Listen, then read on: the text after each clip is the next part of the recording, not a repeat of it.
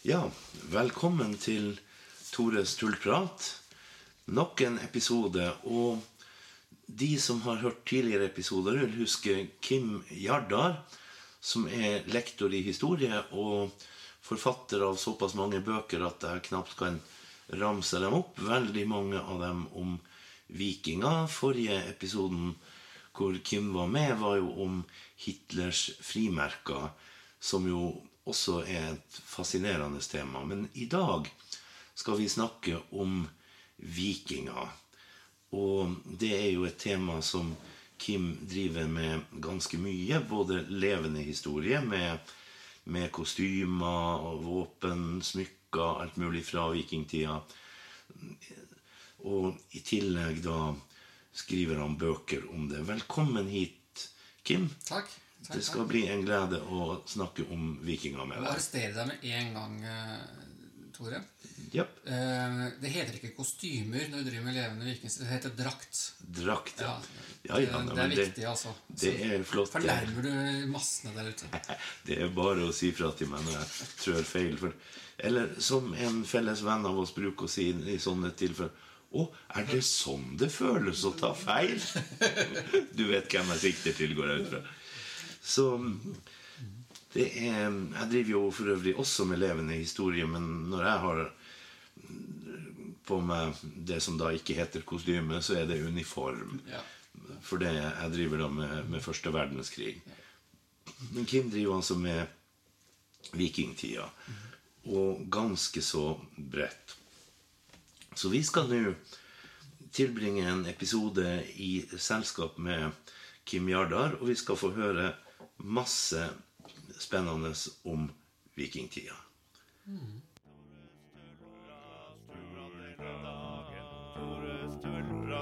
hver.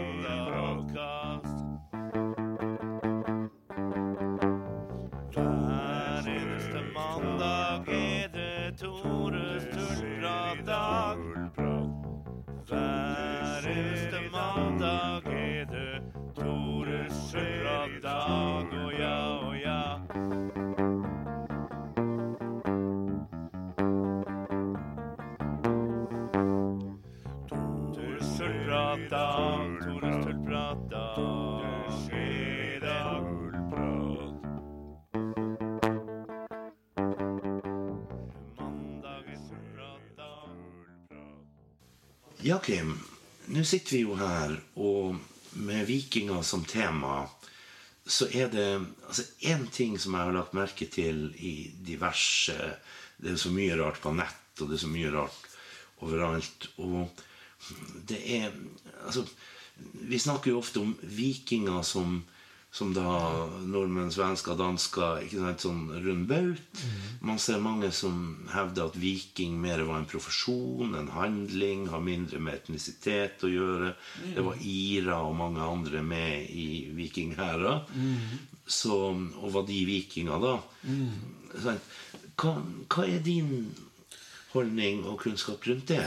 Altså, Min inn- innfallsvinkel er jo Eller skal jeg si det Det er et veldig interessant spørsmål, da, fordi eh, vi bruker jo begrepet viking i dag som en slags fellesbetegnelse på en hel kultur. Altså det som vi kaller den norrøne kulturen. Og det er, jo, det er jo historisk sett feil. Men på en side så er det en veldig eh, veldig hendig måte å, å klassifisere eh, dette samfunnet på. da. Så, så, så, så, det blir jo brukt, og, og jeg bruker det selv jeg, i, i mine bøker, selv om jeg er fullstendig klar over at hvis, hvis vi går til de historiske kildene og ser på når begrepet viking opp, dukker opp, og hvilken sammenheng det dukker, dukker opp, så er jo betydningen av det varierer betydningen av det fra hva det betydde i vikingtiden, hva det betydde i middelalderen, og, og hva det betydde i dag, er tre helt forskjellige ting. Hvis vi starter altså vi har De eldste eh, nedtegnelsene av ordet viking dukker opp i en del kvad, gamle, gamle kvad, altså gjerne angsaksiske kvad, og da er det jo eh, Da dukker viking opp som en slags folkebetegnelse, altså vikingas, sammen med Skylfingas. Altså, man ramser opp folkeslag som, de, som man har vært i kontakt med, og der dukker Vikingas opp som et eget folkeslag. Så det er litt spesielt. Mm. hva er det de mener da? Kan, er det da folk fra Viken som vi egentlig snakker om? For den Viken-regionen, indre Oslofjord, er det de menneskene de snakker om? Eller snakker de om eh, at de har truffet på et kriger, altså en type krigere, f.eks.? Altså sjøkrigere, at de går under betegnelsen vikingas. Det vet vi jo ikke sånn sett om. Eh, Men så har vi en sånn norrøn betydning av ordet viking, og det dukker jo opp på runesteiner. Det er jo minst to runesteiner som, som bruker begrepet viking. Altså Vi har jo sånn hyllings, hyllingstekst til en tokeviking. Altså, Hva betyr det? Er, altså, betyr det at han er et eller annet? Er han viking? Derfor er Toke viking, altså Toke sjøkriger, f.eks. Eh, og, og, og så er det sånn Hva er den etnom- etnomologiske opprinnelsen til ordet? Hva er, er det et vika? Altså vike av fra opprinnelig kurs? Altså den, den smale sti, f.eks. Gå ut av den smale sti og over på plyndring? Er det, er det betyr viking det? Eh, Så det er liksom sånn I vikingtiden så tyder ting på at vi har med en, en Altså man kan være viking når man utfører eh, noe. Altså eh, er i ute og er sjøkriger, f.eks. Mm. Vil kanskje være det nærmeste. Så dermed så er jo ikke de som bor hjemme, liksom ikke holder på med akkurat det der og da, de er jo ikke da vikinger. Sant? De er noe annet. Ja, Eh. så har du jo enda en kategori som jo man finner både i vest og i øst under vikingtida, og det er jo handelsmenn. Var de vikinger? Ikke sant? Men, handelsmenn? ikke sant? Ha- Du, altså det er også litt sånn, sånn feilslutning ofte at man klassifiserer nordbefolkningen inn i ulike kategorier, og så glemmer, så tror man liksom at det er vanntette skott imellom dem.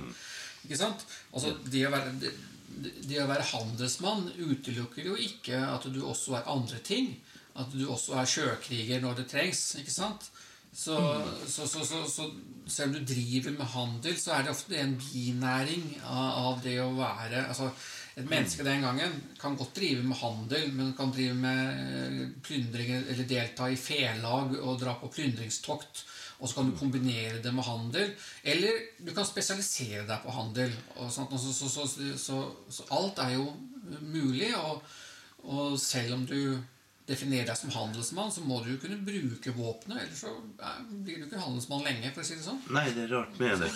Og så er det jo, er det, jo det her med at du, du som viking Altså, vi, vi definerer jo vikingtida sånn røft mellom da Lindis Farnride og Stanford Bridge. Det er også en, en sånn historisk feilslutning. Ja, for det må jo være komplisert, fordi at altså, man finner jo skipstradisjon Ja, tidligere. ikke sant? Også så, så bruker du, Nå brukte du jo Lindisfaren, en, en hendelse i England, så- som inngang til, til, en, til en periode som, som angår Skandinavia i veldig sterk grad. Og så brukte du slaget ved Stamford Bridge altså i 1066, Harald, eh, Hardrådets fall, som utgangen av vikingtid, som også er en hendelse i England. Så, så, så den kan kanskje passe som en beskrivelse av vikingtiden i deler av England, men den vil jo ikke være spesielt god som en tidsavgrensning på, på en skandinavisk epoke. Så her bruker vi jo andre kriterier for å definere vikingtid. Ja, og det er jo ikke som at kulturen plutselig ble annerledes i 1066. Nei, det gjorde det ikke. Og noen vil trekke altså, Vi har jo kulturelle trekk som, som gjennomsyrer vikingtiden, som går helt tilbake til, til uh, sen folkevandringstid. Ikke sant? Eh, romertid. Så, så her er det jo hvilke deler av samfunnet Dette er jo alltid et spørsmål når man, man skal dele tid, eh, tid inn i epoker. Hva skal man bruke som grunnlag for å dele epokene? Skal sosiale forhold, være kulturelle forhold, være politiske forhold, være økonomiske forhold, være teknologiske forhold? Så, så hvis vi f.eks. ser på teknologiske forhold, så har vi jo et brudd rundt 750. Innføringen av seilet. Ikke sant? Og vikingskipet er jo selve definisjonen på vikingtiden. Ja, og der har du jo skip eller farkoster som ligner svært på vikingskipene, men ikke har ført seil. Ikke sant? Så Så det er jo en- en- Roskip til vikingskip eller til seilførende skip. ikke sant? Mm. Kan, være en, kan jo være en indikator på at vi er over i en, en ny epoke. For det åpner jo opp eh, eh, Nordsjøen for å krysse Nordsjøen. Du må ikke ro langs kysten lenger for å komme til England. Du kan, og, du kan krig og, og, og handel og kontakt med, med landet rundt Nordsjøen på en helt ny måte. Ikke sant? Samtidig så ser vi også en eksplosjon i, eh, i produksjon av jern rundt 750. Passer jo også godt med at det, det blir eh, altså, klinkete, klinkete skipstypen blir mer og mer vanlig. Det er klart, Du har jo også våpenteknologi, Ja. veldig knytta til utvinning av jern. Økt våpen blant befolkningen, økt eh, redskaper blant befolkningen. Så sånn på et teknologisk synspunkt så, så er, jo en, en, er jo 750 en veldig fin tidsepoke. Og, og kunne si at nå er vi inne i noe nytt. Og, så, og så tenker jeg også politisk sett så har vi jo framveksten av det vi kaller for the kingship. Altså eh, kingship-æra. Altså vi har jo, eh, Hvis vi går tilbake til folkevandringstid, så har vi jo stammene. ikke sant? Hvor kongene egentlig bare er en slags religiøs, militær eh, person eh, som i dette stammesystemet, som egentlig ikke har noen eksepsjonell posisjon, egentlig. Men så ser vi at det foregår en endring gjennom det vi kaller merovingertid, altså 600-tallet fram mot 700-tallet, hvor kongene etablerer seg som, som sterkere maktfaktorer i, i samfunnet.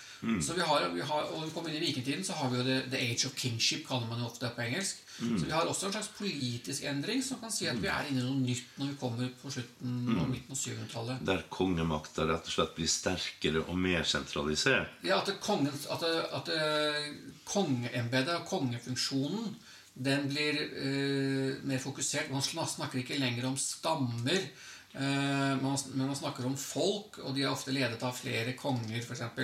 Eh, høvdingedømmer har man, men så har man også konger på toppen av sånne samfunn. Så, det, så rundt 800 så finnes det jo ca. Sånn rundt 20 småkongedømmer spredd rundt norskekysten.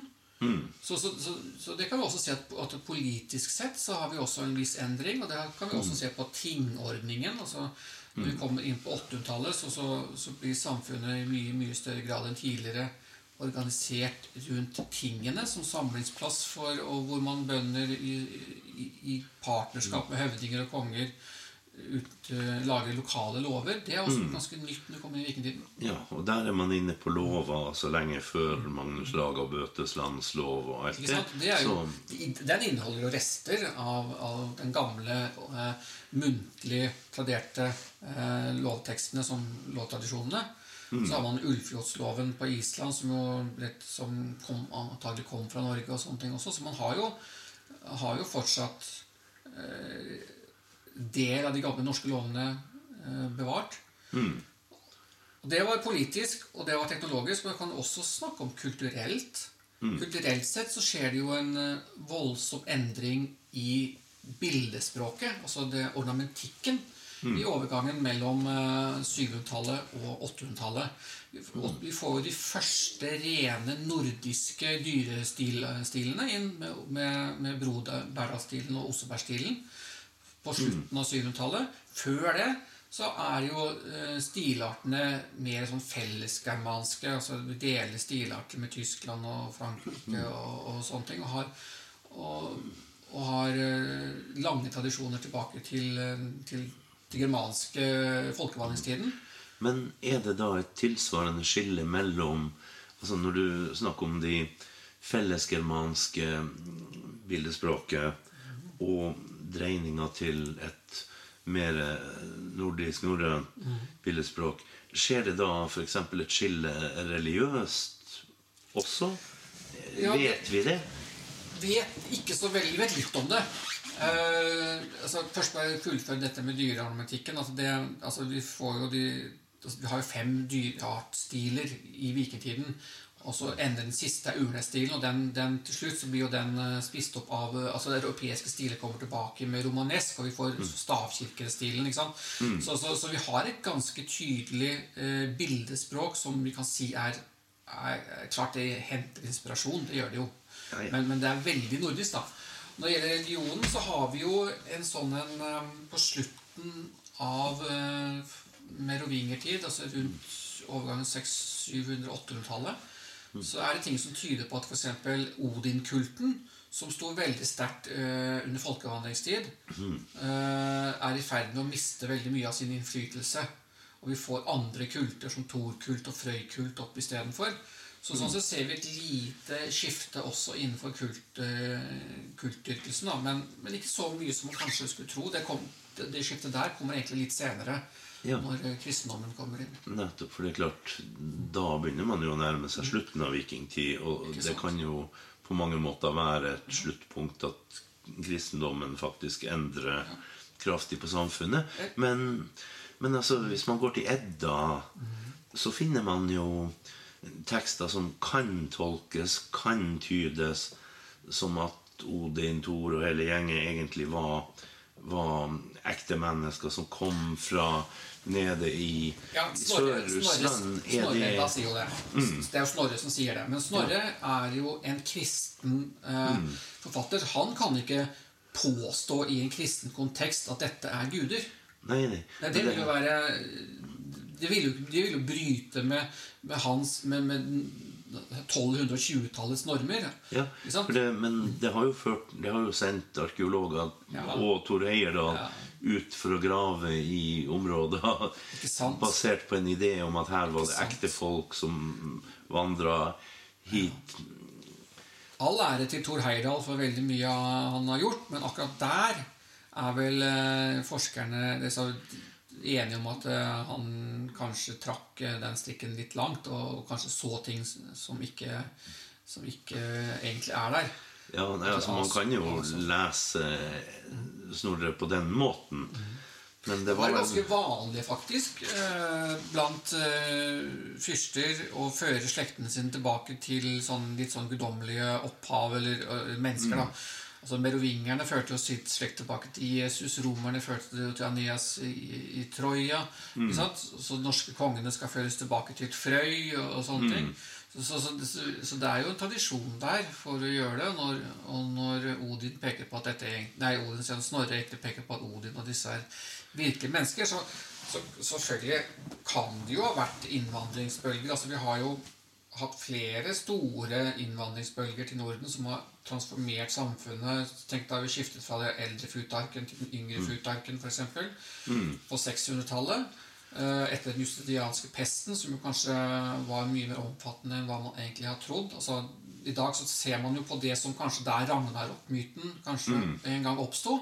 Denne Fimbulvinteren og alt sånt. At det kan komme fra både fra vulkanutbrudd på Island, men også fra denne store pesten da, som, som herjet på den tiden. det er klart kombinasjonen av hungersnød Ja, under den man har store liksom nedkjølinga mytene, og mytene med seg, og så blir det en del av trossystemet. Så det er jo ikke umulig at dette har vært mennesker eh, som har utmerket seg. altså Hunerne er jo Professor Lotte Hedager er jo veldig opptatt av skriver jo en del om at hunerne faktisk eh, byttet ut den, den herskerklassen i Skandinavia på 400-tallet.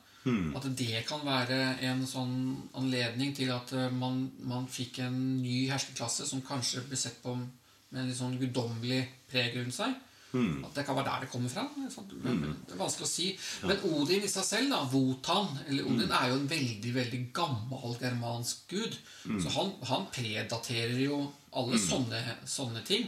Han, har jo, han, han er jo en, en faktor i, da germanerne på en måte tjenestegjør de romerske legionene på 100-tallet og 200-tallet, så kan man jo si at eh, Odin-kulten og Mitras-kulten, som, som var veldig populær blant legionærene, bakes sammen i en slags syntese som, som, da, som da ender opp i den Odin-forståelsen som, som, som vi har i vikingtiden, da, hvor han både er krigsgud og kunnskapsgud. Men dette er veldig kompliserte betraktninger, ja. da. ikke sant? Ja da, vi kunne sikkert laga veldig mange episoder bare med de her Men vi glemte jo litt disse vikingene som vi snakket med i begynnelsen. da, fordi jeg sa jo det at, eh, at vi har jo vi har jo eksempler på at ordet viking er brukt i vikingtiden som et eksempel på sjøkriger.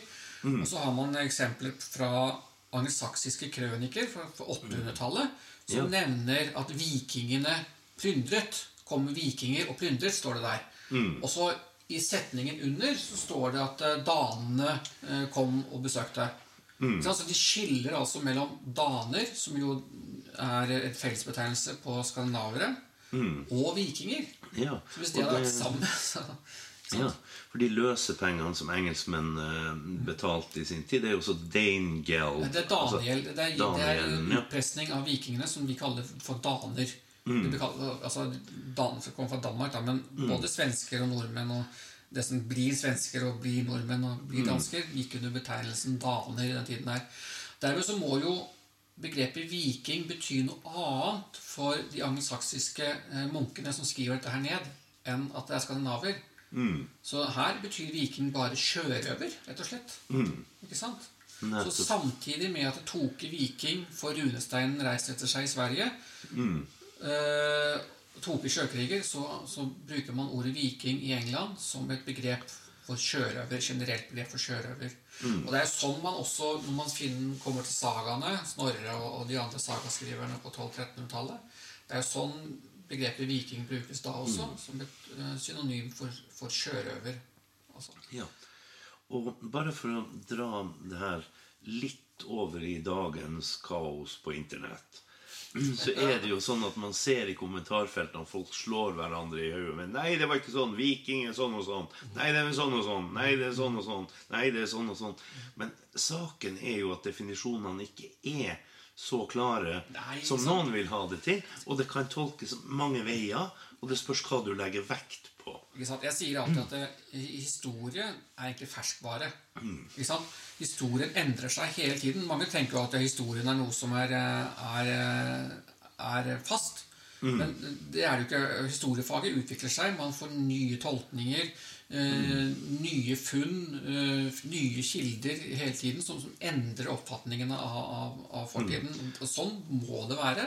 Ja. Så, så, så låser man jo seg fast i, i, i i, et, i spor som, som til slutt bare fører inn i en vegg. Ja, men det er jo, altså Ståstedet påvirker jo også tolkningene.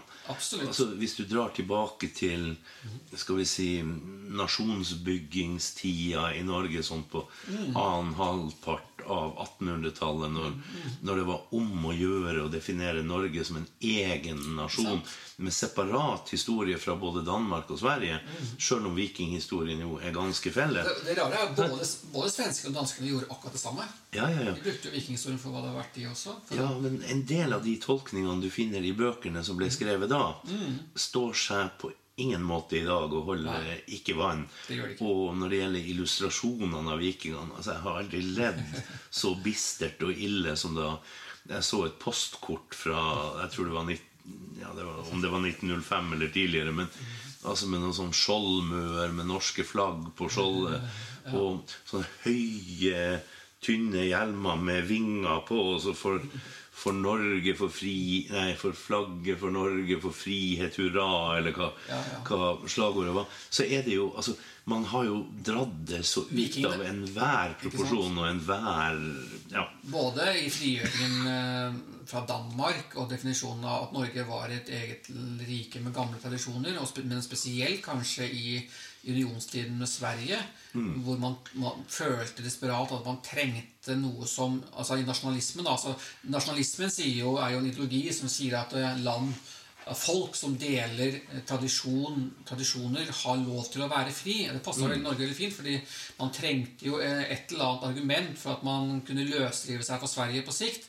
Dermed så måtte man jo finne et eller annet som var felles i fortiden. Og, og Norge var jo ikke, hadde ikke noe felles i hele tatt. Alt vi kjenner som felles, som brunost og, og ja, bunader og folkeeventyr og sånne ting, det var jo sære ting for, for noen for små grupper. Ja, ja, Kulturelt sett er det stor forskjell fra Finnmark og til? Telemark. Så, dette blir jo konstruert opp av, på 1800-tallet. Stort sett denne typisk det som er felles norsk. Nettopp for å kunne ha et, eh, et, et brekkjern.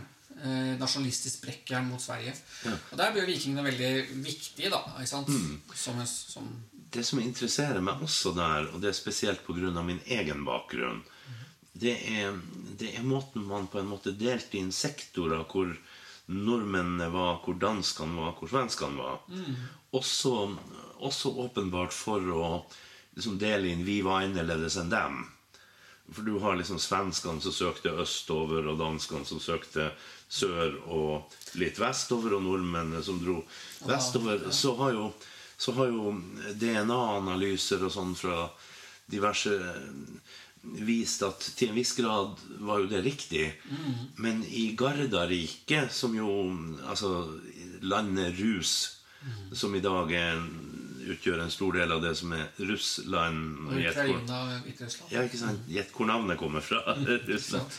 Det kommer jo fra altså Det er jo det roende folket. Ja, rots, rots betyr jo eh, roer. Mm. Og så har man jo Roslagen i i Sør-Sverige, altså landet til roerne. Ja, og så har du jo det, det finske ordet for svenske. Rotsie. er jo rotsie. Ja. Ja. Og, og, sånn, og, og landet Ros altså, det, det er jo ikke tvil om at en god del svensker naturlig nok dro dit, for det var jo en kort tur over de finske bukta og innover. Men, men det, som jo, det som jo også vi vet, er jo at f.eks. fire norske konger søkte tilflukt hos Jaroslav den vise i, i da i Novgorod, f.eks. Og det var jo ingen tvil om at det var utstrakt kontakt. Og da både, både Olav den hellige og sønnen hans tilbrakte jo lang tid der. Olav den hellige var jo der til han dro hjem og døde på Stiklestad. Altså, så, så man skapte Under den tida med nasjonsbygninga så skapte man noen sånne skiller som på ingen måte holder vann. Altså, Man, har treng, men man trengte det på den gangen. da Så man kan eh, si at man I nasjonsbyggerfasen så trengte man uh, å lage sånne skiller. Men det, det er helt riktig som du sier. altså I vikingtiden så, så var det jo ikke Det var, det var visse forskjeller. altså Man hadde språklige østnordisk og vestnordisk uh, språkstammer. Så det var uh, Og så har man gotlandsk, som var helt annerledes. og Sånne ting, så man, det fantes selvfølgelig markører, forskjellige ting, som, som definerte deg for at du var fra en eller annen region da, i, i, Skandinavia. Og så har vi, ser vi også visse forskjeller i, i hvor eh, er, pop- hvilke guder som er populære hvor. For eksempel, hvor er det vanedyrkelse i forhold til åsdyrkelse, og hvor dyrker man begge sekter og sånne ting. ikke sant? Og så har man jo innenfor begravelses, eh, begravelsestradisjoner så har man jo forskjell på det med, som kalles for innovasjonsgraver, altså branngraver, og det som eh, er, ikke er branngraver. da. Ikke sant? Eh, Hvor man begraver lik eh, hele uten å brenne dem først. Som er veldig sånn typisk for Danmark og Sør-Norge, altså Vestfold og, og sånne ting, og litt borti Østfold. Og hvis alle, alle andre steder så brenner man likene. ikke sant? Så, så det fins en del sånne forskjeller på landsdelene. Det gjør det. Nettopp. Nei, det er jo altså det, her, det her er sånn tema som vi egentlig kunne sittet i timevis og prata om.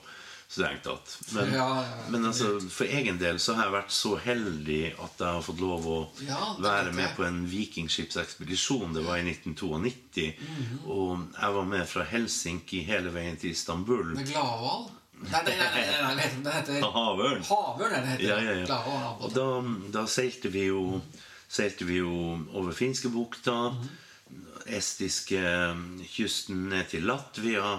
Så rodde vi motstrøms hele veien opp elva Daugava til vannskillet. Og så ned elva Dnieper. Hele veien til Svartehavet og seilte til Istanbul. Litt av en tur. Det er litt av en tur, og det var egentlig ganske interessant. Altså Om vi egentlig beviste noe som helst, det kan man jo stille spørsmål Dere seilte jo en litt sånn to tredjedels eh, Gokstad-kopi. Helt korrekt. som endte opp på Vikinglandet. På TV, der frem fram til den. Ja. Ja, ja. Så det Men, var en det var ikke en typisk eh, østlig skipstype. Det var det ikke. nei, og det var jo en av de tingene vi var veldig interessert i å finne ut. Kommer et sånt skip frem? For der er jo teorier om at de lasta om til mindre båter når de kom inn i elvene osv. Og, så og det er kanskje ikke helt utenkelig, fordi at enkelte områder er veldig vanskelig å Det komme er frem bare en del bare så stryk som måtte bæres ut. Og så har vi jo en del bysantinske kilder som, som beskriver hvordan vikingene, eller, eller Rus, da, kom Mm. i sverm av båter. Altså De svermet i sine små båter. Ja? Og ja, ja. Det ville du ikke ha gjort med svære, tunge, havgående vikingskip på 25-30 meter. Nei, nei. Men så har du noe interessant, og det er jo at når du kommer øverst i elva Dnieper, f.eks., så har du en by som heter Smolensk. Og der sier de lokale tradisjonene at det var der båtene stoppa for å bli tjæra på nytt og sånt før reisa ned elva. Og der det også fantes områder bevokta som man måtte selvfølgelig betale, hvor man kunne ha verdifull last og sånn oppbevart under vakt, så man kunne rett og slett ha en pause. Det er det som sies i smolensk. Og smolensk kommer, navnet kommer fra ordet småla, som betyr tjære. Og, og det er litt interessant å se sånne ting. Når du får sånn typisk sjøfartsrelaterte navn langt hunivål inn i landet i starten av ei elv som er nesten 1300 km. Så man får jo følelsen at noe må, må det være i det her. Og det er jo også rundt Smolensk og, og Kiev og Novgorod og, og Gnedovits eh, og sånne steder, så er det jo funnet eh, mye eh, grav, norrøne gravplasser og mye norrønt gravgods. Eh, Så det er helt tydelig at det norrøne utgjorde en slags overklasse i, i, i disse områdene i, i ganske mange hundre år. altså. Definitivt. Og når man kommer opp elva Volkhov, f.eks. fra Ladogasjøen Der har jeg jo også vært på en annen ekspedisjon med NRK og med Team Bakstad. Der er det jo også sånn at når vi kommer til Staraja Ladoga, Aldejuborg så, så er det første du ser før du kommer til selve byen og borgen, det er gravhaugene som er åpenbart plassert for å bli sett, Ja. som ligger på åsen over elva. Sånn at du, du kan ikke unngå å se at Oi, her ligger det mektige menn. Ja. Så, Og så, det, klart, at Adeleideborg eller Stara Ladegård er jo en av de første områdene som trolig ble eh, overtatt og kontrollert av norrøne høvdinger. Altså, altså, går vi litt lenger tilbake, eh, enda lenger tilbake, så kom jo var jo dette en gren av Silkeveien, faktisk. Sant? Det kom luksusvarer til Skandinavia via det- det- dette området.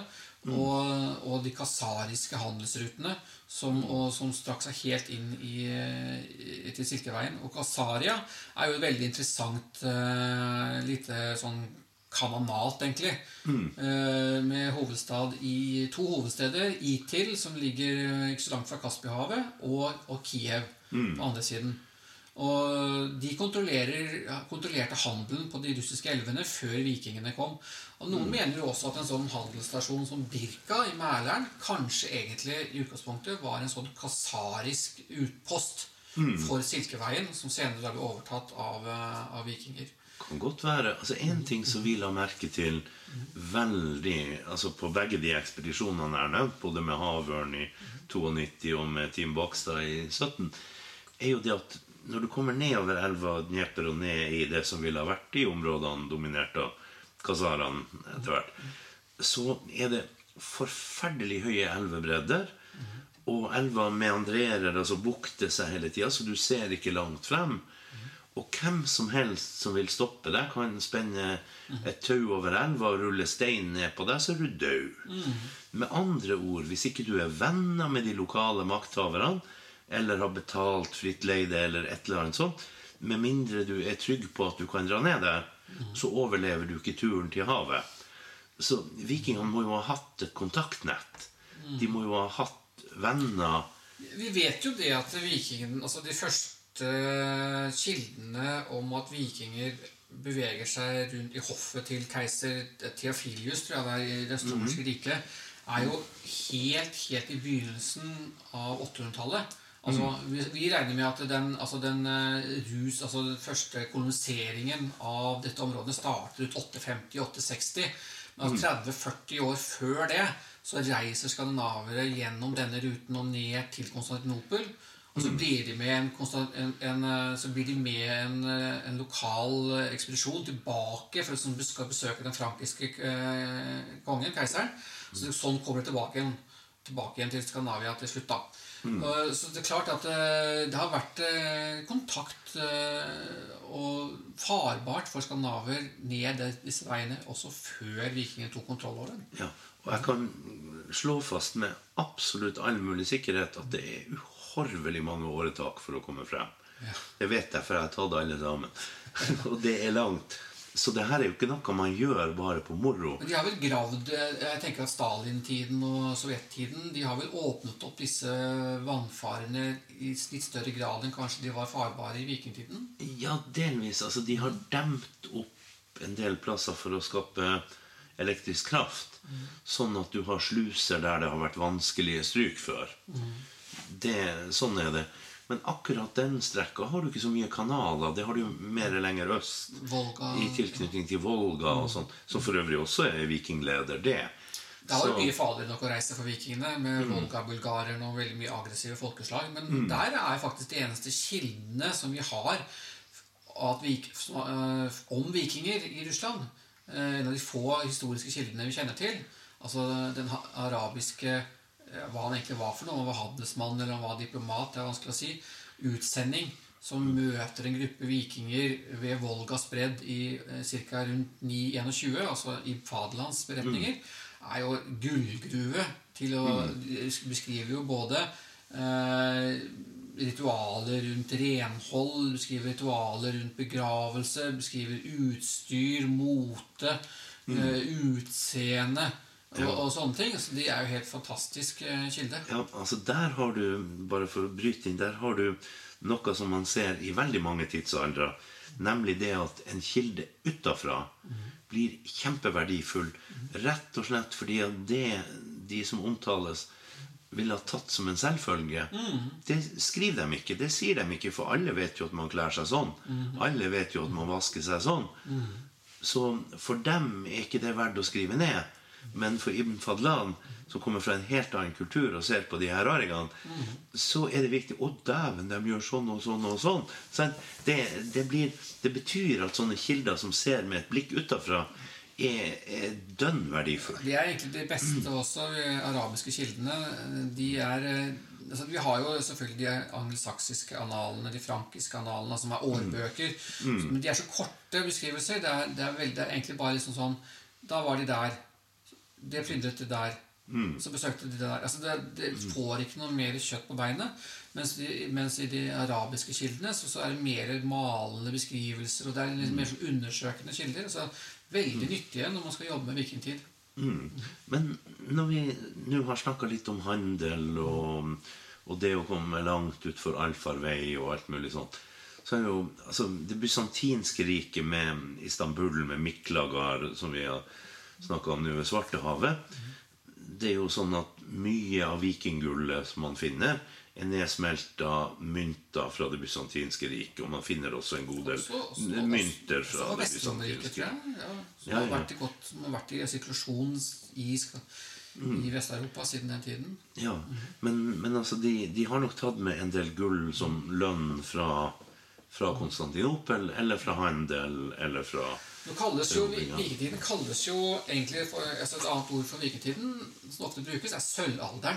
Mm. Altså, det synes å, Sølv synes å være den absolutt dominerende eh, betalingsmiddelet i denne perioden. Mm. Gull er det egentlig veldig veldig lite av. Vi har jo selvfølgelig noen spektakulære gullfunn, Mm. og sånne ting, men i forhold til den enorme mengden sølv som Mm. man har, så er jo gull eh, ingenting.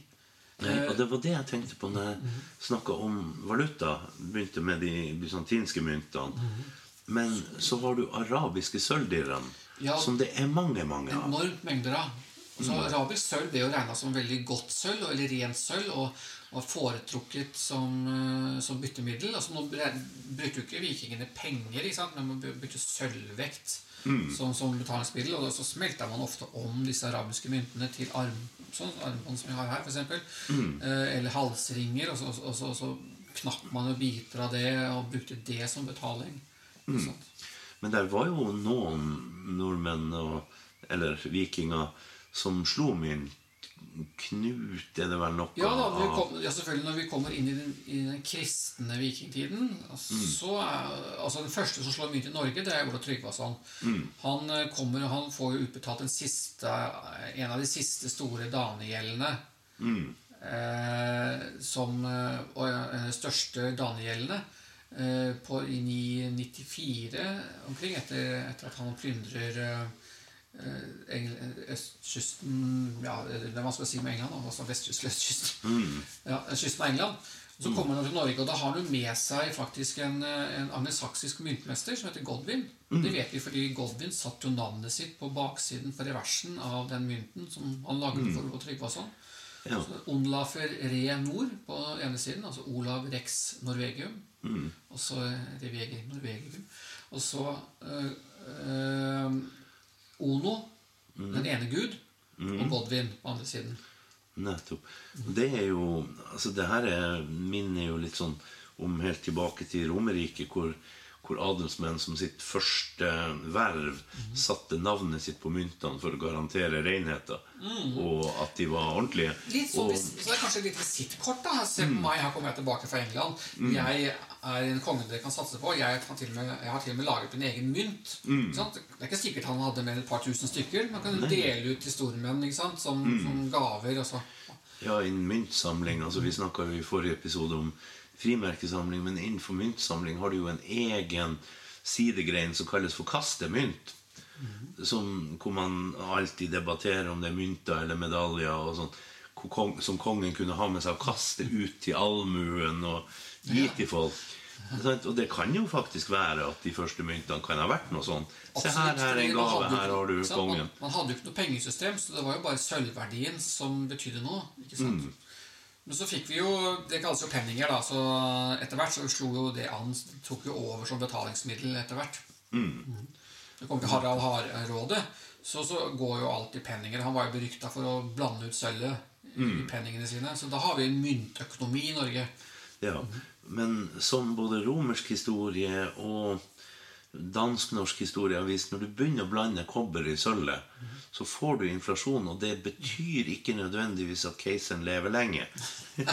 Når soldatene ikke lenger får kjøpt det de skulle for lønna si. Han skulle betale for dette toktet sitt til England, tenker jeg. Mm. Men det, Sånn det kan fort bli veldig dyrt å blande kobber i sølvet. Det, det er mange historiske Derfor så foretrakk Eksempler man på det. arabisk sølv, faktisk. For det, det var eh, garantert eh, rent. Men det tok jo, tok jo det arabiske sølvet slutt da eh, rundt 960. Så greide jo en sånn vikingtulling kalt eh, etterkommer av disse vikingherskerne i Kiev, Svatoslav, han greide jo å, å ødelegge det kasariske riket.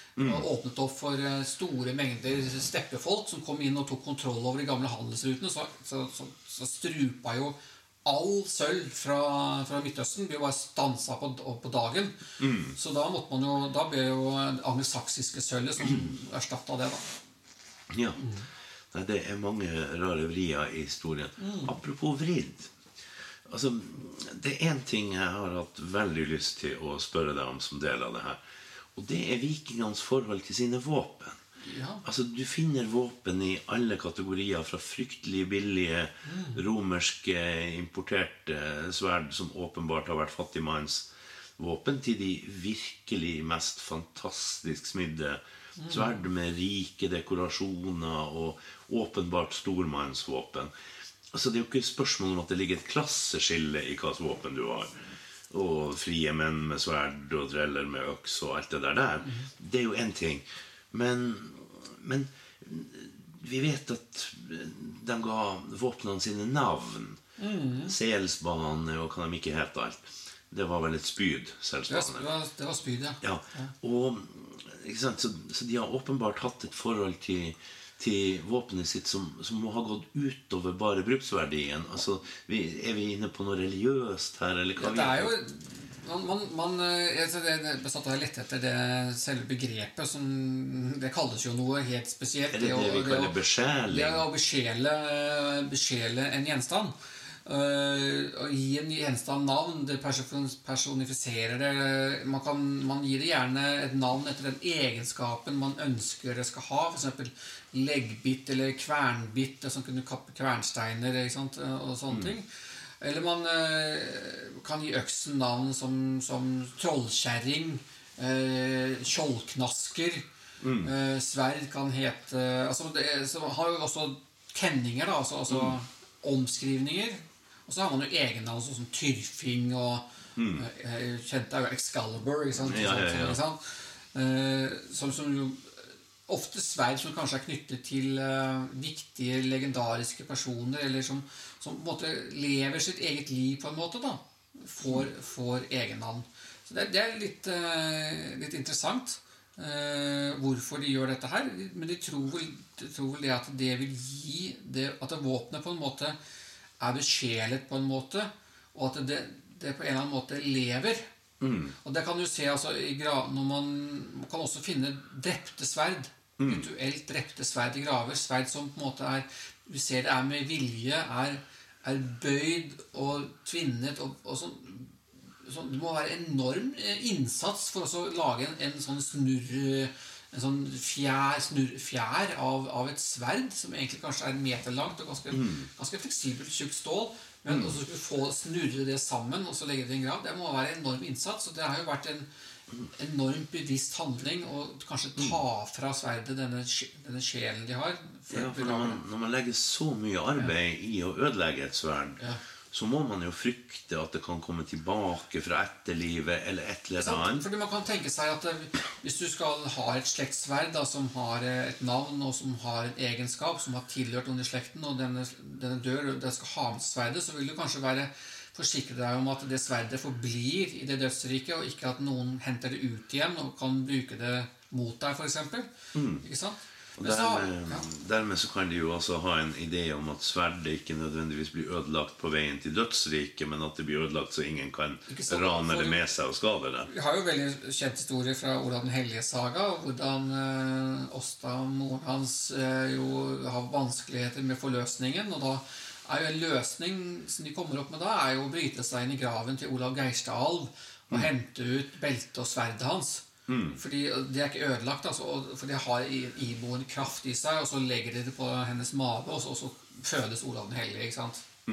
får du navnet Olav da, etter Olav Geirstad, som da hjelper til med denne fødselen. Så, så på en måte så lever jo Olav Geirstadhall videre i det sverdet. Så det kan jo være den rituelle drapet kan jo være på en måte å sikre seg også at disse døde ikke går igjen. For Det verste man eh, kunne oppleve, var jo at døde gikk igjen. De kunne jo mm. ha masse beretninger om hvordan de herjer med husdyr og dreper slaver og dreper alt. Den mest berømte er vel en som heter Rapp eh, som gikk amok på Island etter, etter sin død. Og, og de lurte på hvorfor. da, Så fant de at han var begravd stående under dørstokken.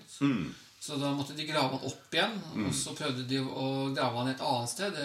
Det, da skjedde det ikke noe. Så måtte de grave han opp igjen, og så måtte de ødelegge skjelettet hans. Og spre det for alle vinder. Da slutta han. ja, ja. ja, men du har jo altså oppe på i høyfjellet mellom Oslo og Bergen, så har du jo Eldrehaugen, blant annet. Hvor de da kommer og herjer som bare det. Sant? Så, så, så man hadde en forestilling om at de, de døde levde videre inni gravhaugen og brukte gjenstandene sine der, så man skulle kanskje hindre at de levende kom inn og ble smittet av det. eller sånt noe. Så, så våpen har en veldig interessant uh, historie. Og som du sa, knyttes jo våpenet også til, til, uh, til aspekter ved, ved trossystemet. Altså, så Odin for eksempel, har jo sverdet Nei, men unnskyld, spydet som, sitt, eh, som sitt våpen. Og spydet som er på en måte egentlig det billigste og enkleste våpenet som du kan få tak i, men samtidig det som når lengst. Det våpenet som du kan kaste og treffe folk fra avstand. Så det handler om eh, det å vise, symbol på visdom ha oversikt. Dessuten Samtidig så er jo også spydet hans en slags volvestav som, han- som kan forhekse. Så, og så brukes jo spyd i storviltjakt ute i Europa. Blant eliten. Så spydet er knyttet til eh, da, det fremste. Og så sverdet, da, som er symbolet på den frie mannen. Altså, folk slåss jo ikke med sverd i krig. Det bruker de øks og spyd. Men, skal du, men liksom blir du personlig utfordret, så er det sverdet du må bruke. Sverdet symboliserer den frie mannen. Derfor, så, derfor skal jo alle egentlig ha sverd. Da. Det er derfor du finner så mye dårlig sverd i gravene. Fordi folk går rundt med, med, med crap, ikke med Kina-produkter, Ja. istedenfor å og, og de, Mens høvdingene kan gå med velskeklinger. Ikke sant? Den beste kvaliteten. Men alle må ha det. Og så har du jo Thor, da, som har hammeren. Eller hammeren er jo egentlig en øks. Øksen som symboliserer på en måte den, den unge brushanen. Den, eh, eh, den unge mannen som enda ikke har skaffet seg eh, jord. Altså rydde land, ikke sant. Eh, så, så det er symbolet på Tors, eh, Tors symbol. da. Og så har du jo Frøya, da, med skjoldet. Mm. Skjoldmøyen. Mm. skjoldet som er på en måte en kvinnes, kvinne som, som barnet beskytter seg bak. Derfor så finner du jo I gravene så skal jo alle disse tingene være til stede. Du finner jo skjold, du finner jo sverd, øks og spyd. er liksom de tingene som du stort sett finner i graver. Du finner jo ikke hjelmer. Nei. Aldri der på, er- ikke sant? Der er vel bare to og Ja, og det er også smårester av noe. Og det er Hvorfor det? Det er jo fordi det, den har ikke noe Du har allerede skjoldet. Mm. Du trenger ikke hjelm. Nettopp. ikke sant? Så de vil ikke ha blitt tatt vare på? Eller Ja, de ville vil ikke ha blitt brukt? De ville ikke ha blitt gravlagt. Fordi Nei. de har eh, det, Den funksjonen da, som skjoldet eh, oppfyller, som, som er symbolet på Frøya, kvinnen, den er allerede der fra før av. Trenger ikke å legge det en til. Nei. Vi skal jo forbigå det der med horn på hjelmene i stillhet og bare si at nei, nei, nei. Så, så har vi på en måte avslutta den debatten i denne episoden. Jeg tror ikke vi trenger å gå lenger med det. Ja. Og så har vi én ting. Når vi snakker om våpen i grava, så har man etter hvert begynt å, å undersøke en del eldre gravfunn på ny og funnet ut at det sannsynligvis er kvinner som man har trodd var mannlige krigere, og man har trodd de var menn pga. våpen i graven og sånt. Hva vet vi om det, og vet vi egentlig så mye om det? Jeg tenkte nok at det var det siste spørsmålet du skulle komme med. Ja. for Det er jo veldig i tiden, da, dette med kvinnelige krigere og, og sånne Mm. ting. Eh, det du refererer til der, er jo ett funn. Det er ikke, det er ikke mange, det er ikke gjort flere enn ett ett, uh, funn som er omdatert. Det er en uh, grav i Birka i Sverige som heter Mm. BJ81, tror jeg det er. 881 Som uh, tidligere har vært en av de, definert som en av de mest spektakulære krigergravene som, som man kjente til. Hvor man nå har eh, undersøkt de benrestene man tror tilhørte den graven. Altså Problemet er at dette ble gravd ut av Hjalmar Stolpe på, på 1880-tallet. Og eh, man har ikke fullstendig oversikt over materialet. Eh, men man tror man, de, man er rimelig sikker på at de beina der kommer fra den graven. Men, men det kan ha vært ett individ, flere individer der. Det vet man jo ikke Mm. Men i hvert fall de, de beina er fra en kvinne. da. Så det har jo startet en del spekulasjoner om hvilken rolle kvinnene kan ha hatt innenfor de, altså krigerkulturen, da, å være krigere. Og det er et ganske kraftfullt bilde man, eh, man kan se for seg. altså En slags eh, litt østlig eh, utstyrt eh, rytterkriger. Med både buen som er der, eh, våpen, flere av våpnene som er der, har tydelig østlig preg. Så det kan være en sånn østlig rytterkvinne. Jeg snakket litt tidligere om disse kasarene som, som, som dominerte i, i Birka i en periode. Man kan også tenke seg at eh, kasarere og andre kom tilbake som leiesoldater og, og var i Birka. Nå har man undersøkt akkurat disse her, og det, ting tyder på at akkurat det skjelettet er jo er, hun, de er, hun er fra Sør-Skandinavia, så hun er definitivt skandinavisk. Eh, ellers så har man en del andre kvinneskjeletter som man har funnet. Man har jo den berømte Skjoldmøygraven fra, som man har funnet i Norge, som man kaller Skjoldmøygraven. Som egentlig er en, en kvinne på rundt under 1,50, 17-18 år gammel, som har fullt våpenutstyr. Og som man finner også flere sånne, sånne typer graver. Eh, men om det, dette beviser at kvinner drev og sloss, er vanskelig å si. Altså, den Birka-graven er jo litt spesiell. Eh, men mange av de andre gravene er, kan man heller tolke som, som rituelle eh, begravelser. F.eks. Uh, at den som egentlig graven er til. Da. La oss si at det er en, eh, en mann eh, eller en stor kvinne, men kanskje en mann da i dette tilfellet, som har dødd eh, i utlandet. Og man har ikke de fysiske restene etter han her. Men likevel så skal han jo hedres, og han får en haug over seg. Eh, Men denne mannen han trenger jo en del eh, ting for etterlivet. altså Gravene er jo ofte boligen hans, og skal, boliger skal utstyres eh, standsmessig og sånne ting. Og da kan man jo har jo mange eksempler på at for de får med seg eh, treller, eller både kvinner og menn, i, i, i dødsriket. Det finner man i skipsgravene. Det finner man i skipsgraver og også andre steder.